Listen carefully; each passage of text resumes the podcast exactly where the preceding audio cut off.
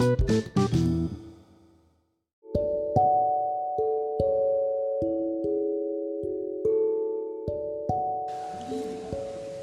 selamat pagi, sore, siang dan malam. Aduh, kebalik-balik malahan. Aduh, gimana nih? Eh, udah kebanyakan mikir yang lain sih, Sul. Ini udah episode berapa nih, Sul kita nih, Sul? Kayaknya kita udah episode kedua, pertemuan kedua kayaknya. Pertemuan kedua ya. Soalnya udah dua minggu lebih upload ini. Udah lama, udah lama kita nggak ketemu ya berarti ya. Iya. CEO-nya juga kabur ini. Masa gua yang disuruh jadi apa penanya-nanya aduh. Emang gua wartawan apa aduh. Ini benar-benar parah. Ya gimana kabarnya Samsul? Alhamdulillah sehat Her. Lu gimana? kabarnya? Alhamdulillah. Ya sedikit-sedikit itulah. Ada goncangan-goncangan spiritual yang membuat saya tergoncang tapi karena ketabahan saya dan rasa syukur saya yang tinggi, asik sok sebada gue. sok banget gue ya. Ya, ya gue menganggap bahwa itu slow aja, flat-flat aja. Karena kita itu sebagai mahasiswa tasawuf terutama ya, kita udah punya pegangan untuk apa memandang hidup, termasuk menghadapi hidup, realitas hidup, bagaimana caranya eh, menyikapi gitu lah. Intinya begitu. Apalagi di masa pandemi nih, Iya. semua orang itu berpikir eh, mengalami goncangan termasuk ekonomi. eh, Uh, saya merasakan banget itu. Sekarang kita sangat saya, terdampak pak soal ekonomi, sangat eh, mempengaruhi jiwa kita, pikiran kita, stres dan lain-lain. Apalagi Stres banget. online. aduh online ngabisin kuota aduh tapi alhamdulillahnya kita dapat keringanan itu Ya, Untuk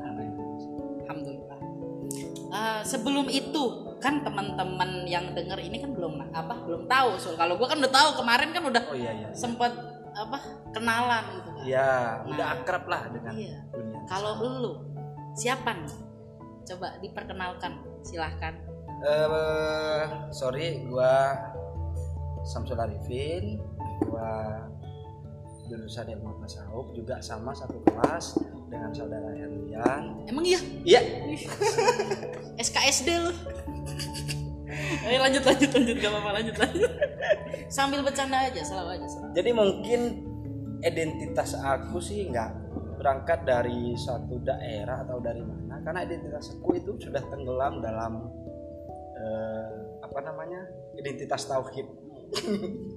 karena kita kan berangkat berat, berat. dari berangkat dari Iya. apa jurusan tasawuf. iya benar benar Jadi tidak ada realitas lagi Iya. selain identitas tauhid itu sendiri. innalillahi wa inna ilaihi rajiun dari Tuhan menuju ke ke Tuhan.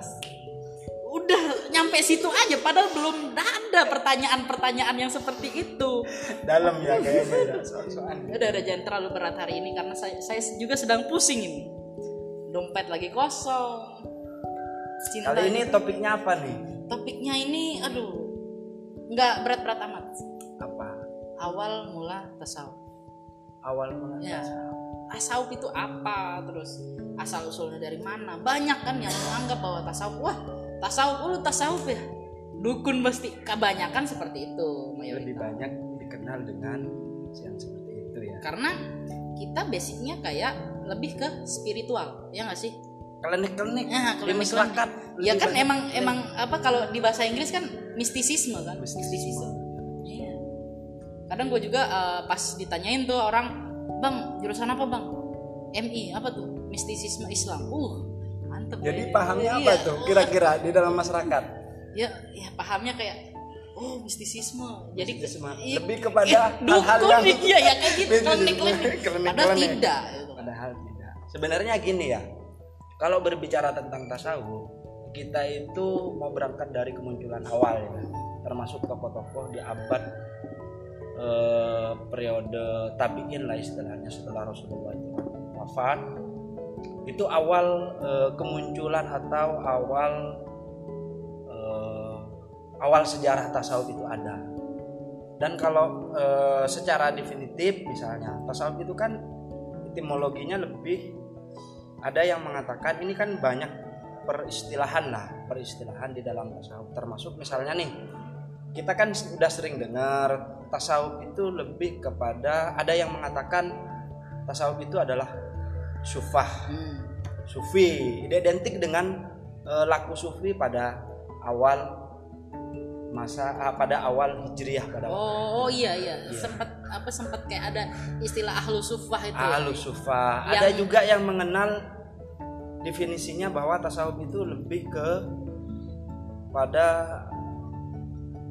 apa orang yang berpakaian bulu domba. ah, berbulu domba.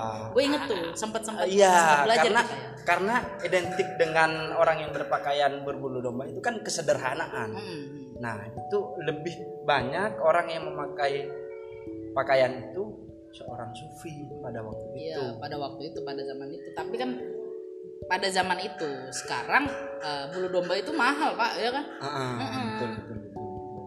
Bukan diidentik dengan sufi lagi, bukan diidentik dengan kesederhanaan lagi, tetapi itu kan berangkat dari situ dulu karena awal sejarah. Jadi original tasawuf dengan istilah itu kan pengambilan makna dari seorang sufi, kebiasaan-kebiasaan yang dilakukan oleh orang sufi. Tapi pas nge- apa dengar-dengar bukan dengar-dengar lagi sih, emang faktanya bahwa eh, awal mula tasawuf kayak eh, istilah tasawuf itu sendiri itu belum ada di zaman Nabi ya. Bahkan Nabi juga nggak ada tuh kayak di dalam hadis tasawuf secara terang-terangan, maksud secara gamblang. Secara teks Iya, emang nggak ada teks. di dalam Al-Quran, di dalam hadis emang nggak ada, nggak ada secara eh, kata atau kalimat yang menunjukkan bahwa definisi tasawuf itu seperti ini. Iya. Jadi karena diidentik dengan laku sufi, riado pada awal-awal kemunculan itu sendiri. Misalnya nih, kita di awal sejarah tasawuf kita mengenal tokoh besar misalnya Hasan Al Basri, ya kan? Hmm. Nah di awal itu awal-awal hijriyah dan sampai dua hijriyah memang eh, tasawuf itu lebih kepada laku dan lebih kepada pengamalan. Iya. tidak melahirkan karya-karya. Karena karena di dalam Islam itu sendiri kan banyak kajian atau banyak ilmu yang memang eh, dikaji lah istilahnya. Termasuk di dalam misalnya dimensi dimensi pemikiran ada filsafat Hmm. ada teologi atau kalam Oh iya iya. Itu itu melahirkan banyak tulisan ya, di situ ya ya. banyak disiplin ilmu gitu sedangkan tasawuf ini lebih kepada dimensi batin Hmm. Perilaku. nah perilaku begitu Oh iya ya kayak sesuai sih kayak eh, berarti memang Nabi eh, Nabi Muhammad Shallallahu Alaihi Wasallam itu sesuai apa apa misinya gitu loh. Karena kan ada tuh hadis eh, hadis Nabi yang bilang beliau bersabda bahwa eh, saya ini diturunkan ke bumi itu untuk memperbaiki akhlak. Nah, perilaku di situ sudah ada tuh benih-benih tasawuf di situ. Iya benar. benar. Hmm. Jadi tasawuf itu sebenarnya secara substansial sering kita dengar misalnya nih tahalluk bi ahlakillah. Nah, itu dia sih. Iya, iya. Ya kan? Benar, benar, benar. Tahalluk bi ahlakillah yaitu berperilaku dengan ahlak Akhlaknya Allah. Allah, itu sendiri. Jadi secara definisi tasawuf itu sendiri lah mengajarkan tentang ya ajaran yang memang ada di dalam Islam itu sendiri termasuk ya sholat. Cuman dalam dimensi-dimensi lain memang eh, ada metode khusus yang memang dikembangkan oleh seorang sufi. Karena itu berangkat dari pengalaman batin yang memang eh, justru eh, dilahirkan dalam bentuk eh, apa namanya pemikiran, konsep, Iya, iya.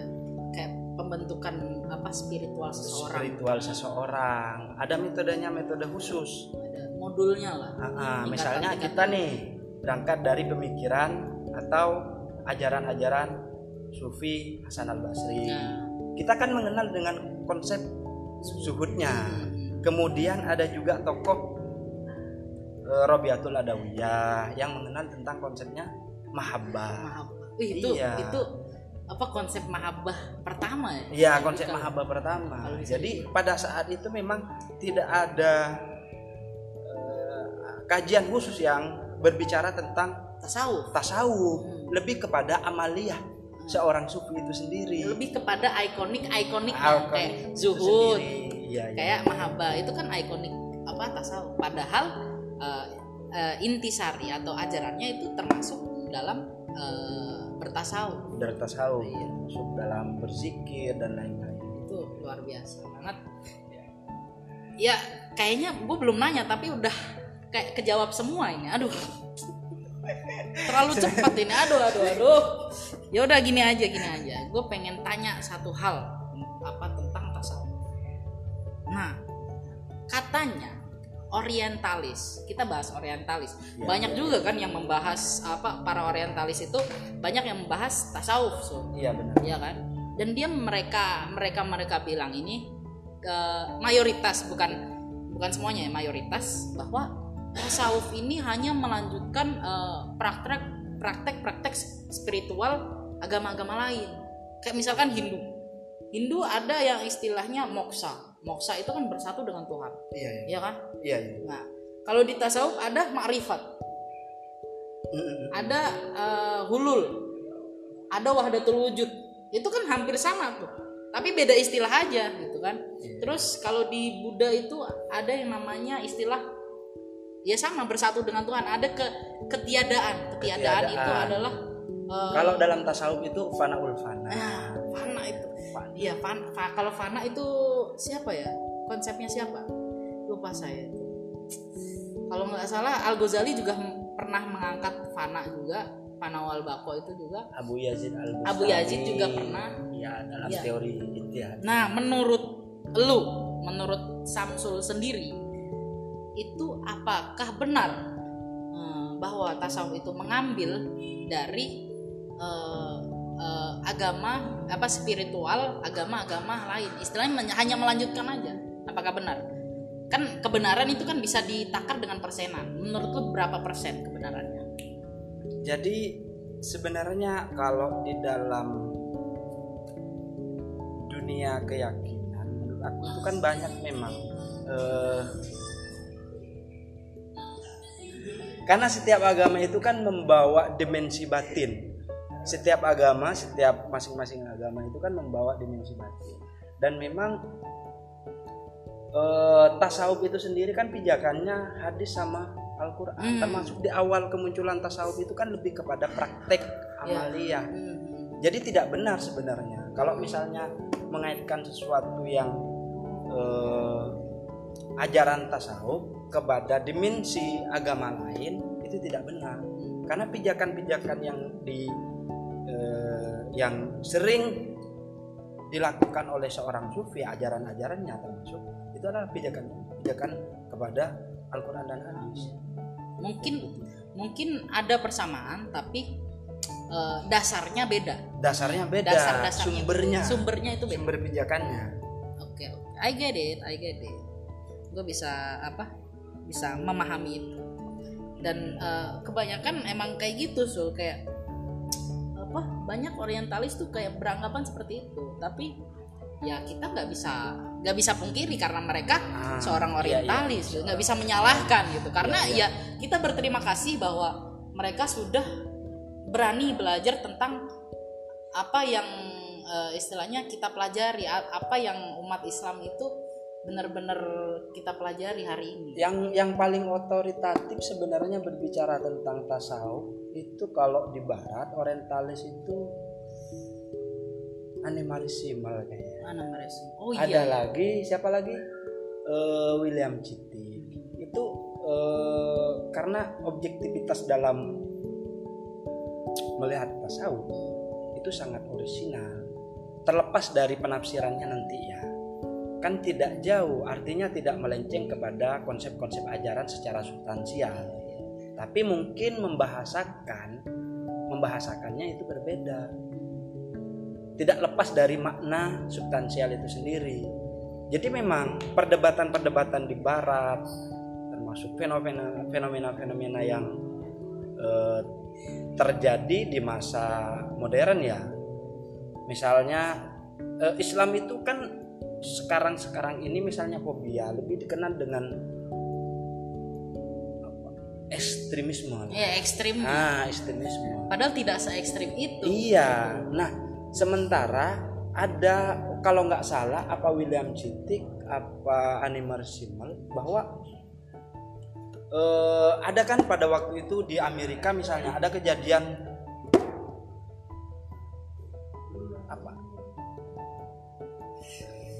teror kejadian Ah, teror iya. di Amerika kalau nggak salah Kalau eh, itu apa namanya? 9/11. 9/11 Nah, itu membuat trauma warga Iya, Amerika memang sih. iya benar-benar jadi tasawuf kata Anwar Simal itu sebenarnya mengajarkan eh, dimensi cinta ajaran-ajaran tentang cinta jadi makanya tasawuf itu eh, lumayan berpengaruh ya di barat sampai sekarang karena memang tidak eh, apa yang dipikirkan oleh eh, Eropa pada saat itu. Ada ada temuan-temuan baru yang di dalam Islam itu mengajarkan tentang tentang cinta. Iya, benar benar. agama. Soalnya soalnya eh, menjadi jembatan lah ke Eropa. eh, publik eh, Eropa bahkan Amerika juga lebih mengenal em, istilahnya ingin mengenalkan Jalaluddin Rumi ah betul sebagai betul. ikonik iya iya iya sangat berpengaruh kan karena Eropa memang sangat halus itu. iya iya Jalal- iya iya. Jalaluddin Rumi me- memencer- mencerminkan Islam Iya, itu iya, seperti apa. dan pendekatannya melalui musik kan Iya, wah itu itu sangat indah uni- sekali iya kayak lebih diterima untuk semua orang karena Ah. musik itu universal kan. universal banyak membawa ajaran yang eh, sesuai dengan peradaban pada waktu itu Iya, termasuk iya, di Eropa di Amerika dan lain-lain. Makanya sangat mempengaruhi terhadap kehidupan masyarakat di Eropa. Ya termasuk di Amerika. Ternyata enggak eh, apa namanya ya enggak sesuai apa yang dipikirkan. Iya, misalnya Islamophobia tadi kejadian apa? 9/11. ya nah Tapi memang sih tidak bisa tidak mudah untuk menghilangkan uh, doktrin bahwa Islam itu teroris dan lain sebagainya. Susah memang. Karena ya kita memang tidak apa benar-benar dalam keadaan hari ini bahkan uh, kayak Islam tuh gini gini gini gini kayak Iya, iya, gitu. Kadang apa? Kadang kita terpojok juga. Iya. Padahal tidak sedemikian rupa seperti itu. Oke, tapi sebelumnya gini Sul, kita ngomongin orientalis. Emang orientalis tuh apa? Takutnya pendengar kita tuh nggak tahu nih orientalis tuh apa. Jadi teman-teman orientalis itu seseorang ilmuwan yang eh, belajar tentang ilmu timur, kayak misalkan Timur Tengah, terus Asia itu orientalis. Tapi karena kebanyakan yang dipelajari itu eh, dalam bidang-bidang studi Islam itu jadi orientalis itu lebih ke ikoniknya bahwa oh orientalis tuh orang yang belajar ilmu Islam gitu. Tapi nggak bisa di apa disamaratakan, nggak bisa digeneralkan semua seperti itu teman-teman. Oke Sul, ini ada lagi satu pertanyaan Sul. Iya iya iya oke. Kayaknya Jadi- menarik ini pertanyaan-pertanyaannya terlalu dalam dari Iya tadi. sih. sebelum gua nanya juga udah dalam banget tadi ya. Iya. Jadi Kira-kira ngerti nggak ini pemirsa nih iya, yang insya Allah ngerti, kira-kira? insya Allah ngerti.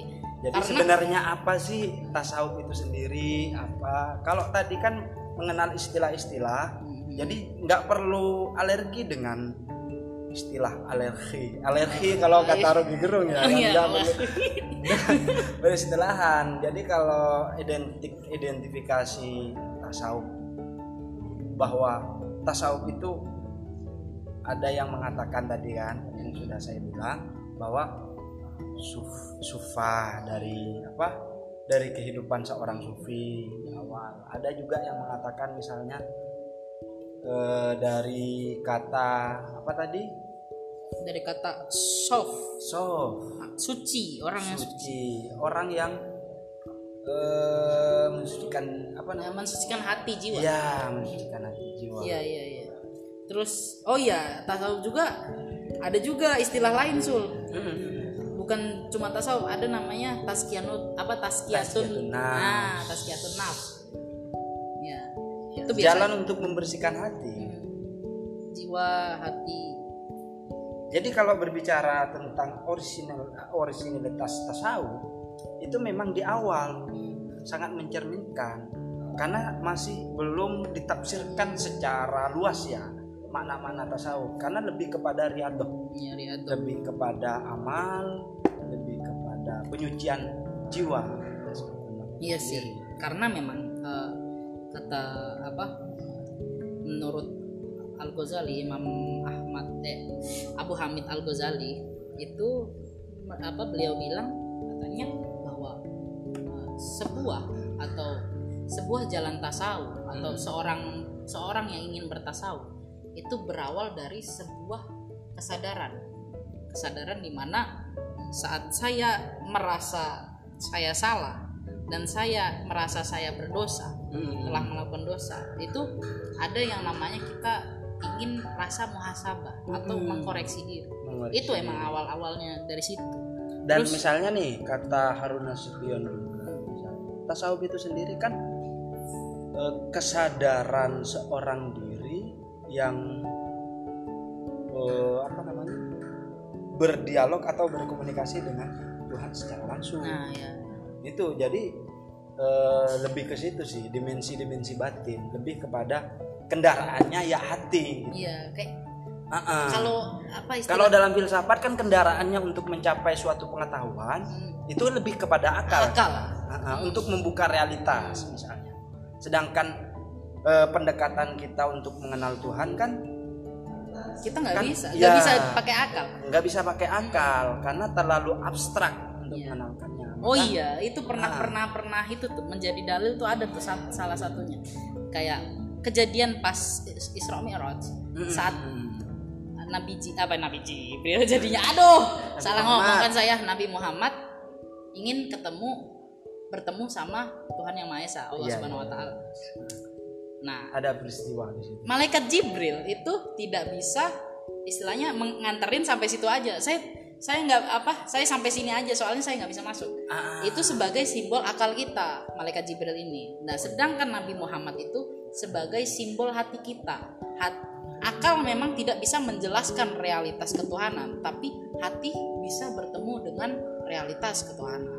betul betul ada istilah itu Itu Cuman dari jalan jalan lupa ya bahwa hati itu adalah eh apa sih aku lupa ungkapan itu kata-kata itu cuman sering aku dengar kalau itu adalah Iya, iya. Itu itu Hati. apa ungkapan dari Jalaluddin Rumi itu? ah, Hmm, itu pernah dengar saya. Tapi memang eh, kenda- apa kendaraan bagi seorang sufi ya hati yang bersih. iya hati Yang yang bersih Tidak bisa. Seseorang yang tidak punya hati yang bersih itu tidak bisa apa menjadi seorang belum bisa belum bisa menjadi seorang sufi karena apa ada istilah ya kita harus bersihin hati dulu baru kita bisa melihat realitas ketuhanan. Lebih tepatnya eh, kesadaran. Kesadaran. Lebih sederhananya kesadaran.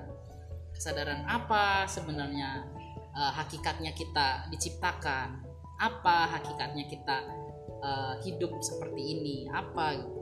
iya iya iya jadi kalau misalnya nih kembali ke sejarah pada masa abad ketiga hijriah dan keempat ya. Misalnya kita mengenal tokoh yang lahir pada saat itu seorang sufi Abu Yazid Abu Yazid Al Bustami yang kita kenal dengan eh, konsep istihadnya Iya. kan itu kan sudah menjadi konsepsi sudah menjadi pemikiran lah istilahnya. Udah menjadi udah melahirkan sebuah pemikiran. Makanya di situ udah menjadi sebuah kajian sebenarnya. Udah eh, dari pengalaman batin eh, kemudian diungkapkan dalam bentuk karya. Hmm, sudah ada metodenya khusus sudah ada menjadi sistematis. Iya iya. Se- apa apa dari iya sih benar sih bisa dikatakan seperti itu. Karena eh, di apa pas Hasan Al Basri ya kita bisa bisa sebut bahwa beliau ini kan eh, sufi pertama lah Sufi Hasan pertama. Hasan Al Basri ini. Terus yang kedua berlanjut ke Robiah. Robiatul Robiah. Terus itu memang emang nggak ada belum ada istilahnya skrip-skrip atau manuskrip-manuskrip yang iya. nggak mereka ada. mereka ada nggak ada karya khusus. Nah. Yang memang ditulis oleh tokoh termasuk Robiatul Adawiyah termasuk Hasan Al-Basri karena wujudnya kan masih perilaku. Iya perilaku. Lebih kepada riadoh. Hmm. dan belum ada istilah tasawuf tasawuf pada waktu itu. Kemudian abad ketiga dan keempat ini sudah ada. sudah ada Sudah menjadi makanya ada sudah ada, ada kajian. Ya. Nah, sudah menjadi sebuah eh, kajian dan sudah menjadi sebuah konsep dan pemikiran. Disi- menjadi disiplin ilmu Nah, menjadi disiplin ilmu. oke oke I see. Misalnya kita mengenal satu tokoh sufi nih yang melahirkan karya At-Ta'aruf Junaid Al-Baghdadi. hmm. Hmm, hmm, hmm, hmm, hmm. Ya kan? ya ya Ta'aruf apa uh, At-Ta'aruf karyanya itu At-Ta'aruf fi madhab apa ya? madhab oh at-ta'aruf fi madhab tasawuf Ah, fi madhab tasawuf kalau nggak apa fi madhab sufi apa fi madhab tasawuf? Tapi apa apa ikoniknya emang ta'aruf itu at-ta'aruf Ah, makanya sampai ada kata-kata pada waktu sampai ada kata-kata bahwa kalau misalnya nggak ada kitab ini Hmm. karena itu kan mempengaruhi kepada abad-abad berikutnya kitab Iya, benar, itu benar, sebenarnya. nah makanya sampai ada kata-kata kalau misalnya nggak ada kitab ini seandainya nggak ada kitab ini kalian tidak akan bahkan tidak sama sekali mengenal tentang tasawuf. Iya benar sih. Di dalam kitab ta'aruf karena itu kayak referensinya ya ah, sih? referensinya. Ka- karena sebelum sebelumnya belum ada yang Belum menulis. ada, iya yang menulis karena hanya berbentuk perilaku, Perilaku. sebelum sebelumnya itu kan kan di dalam kitab itu kan berbicara tentang suluk ya kan?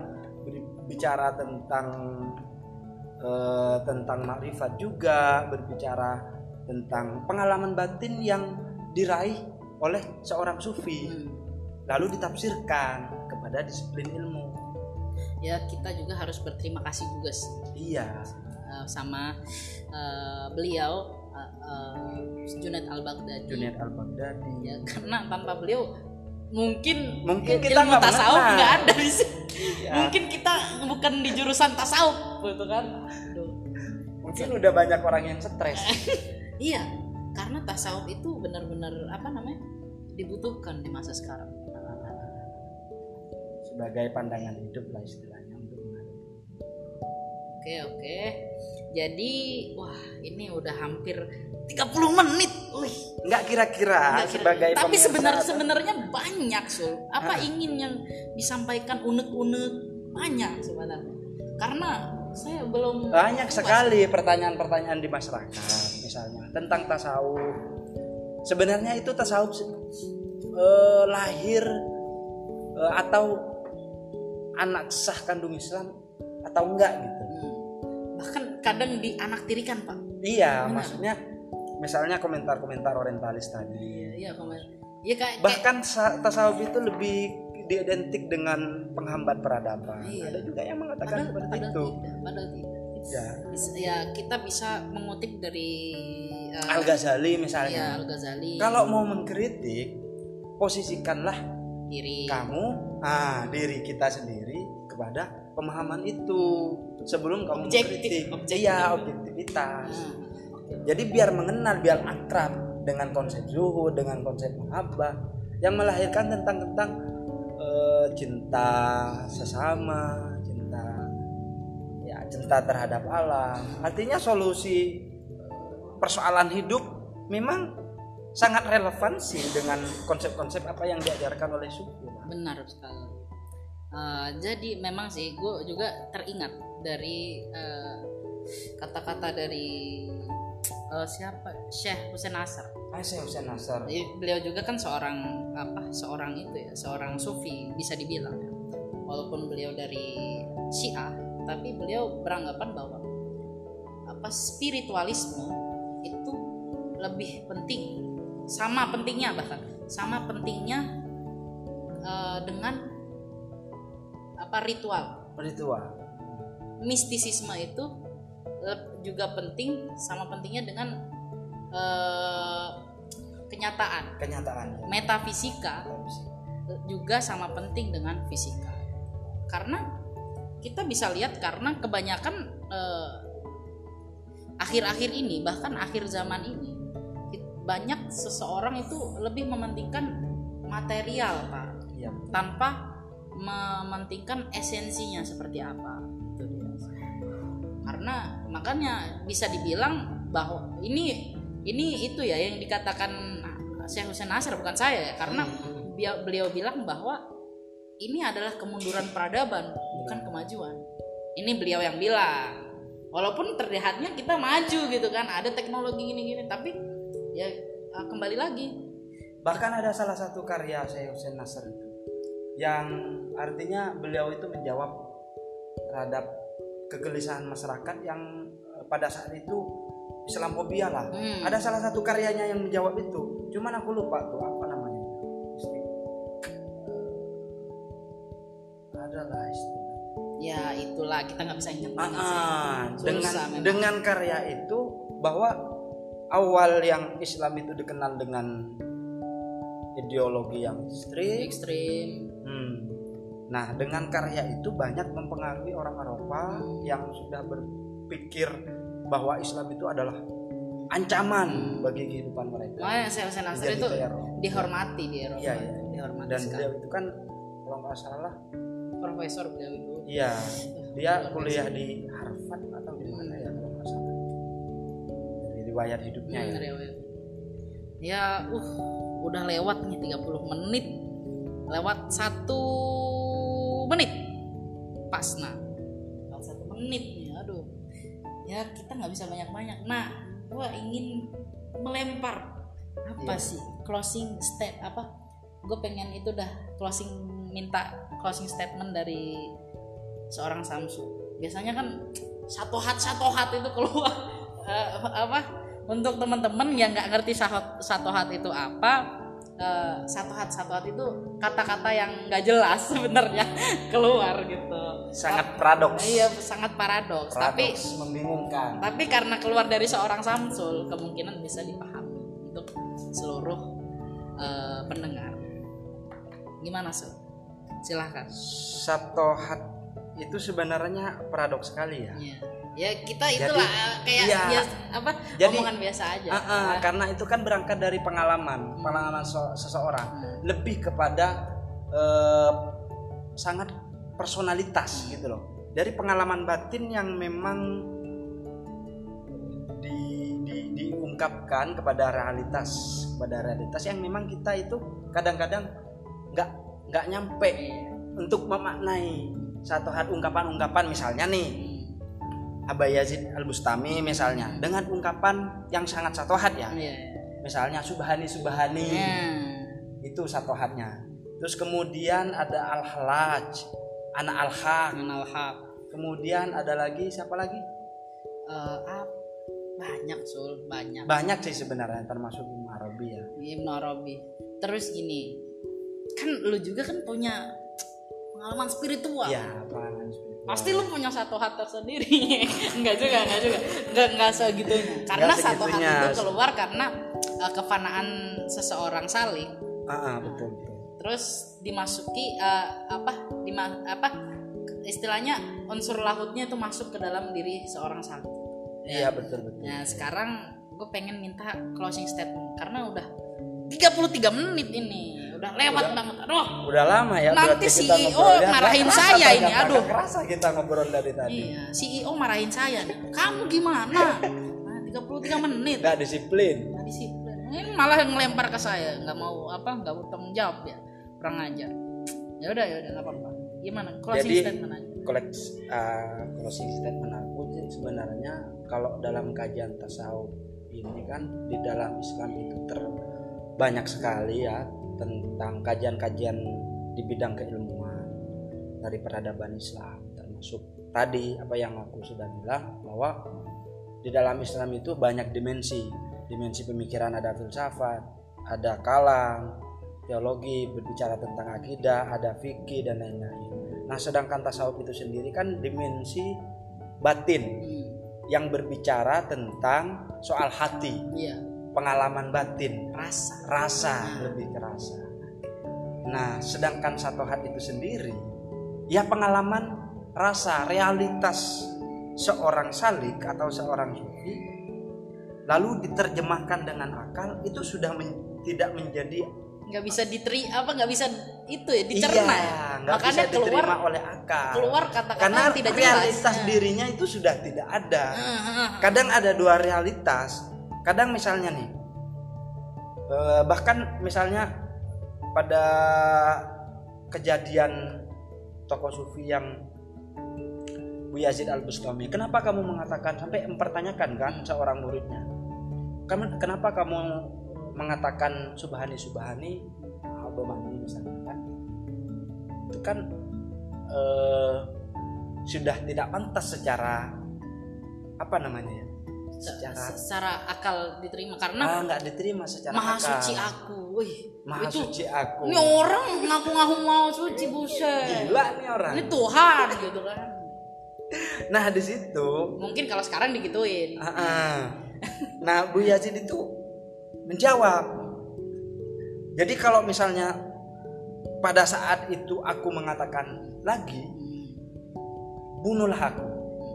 Karena pada saat itu itu bukan aku. Oh.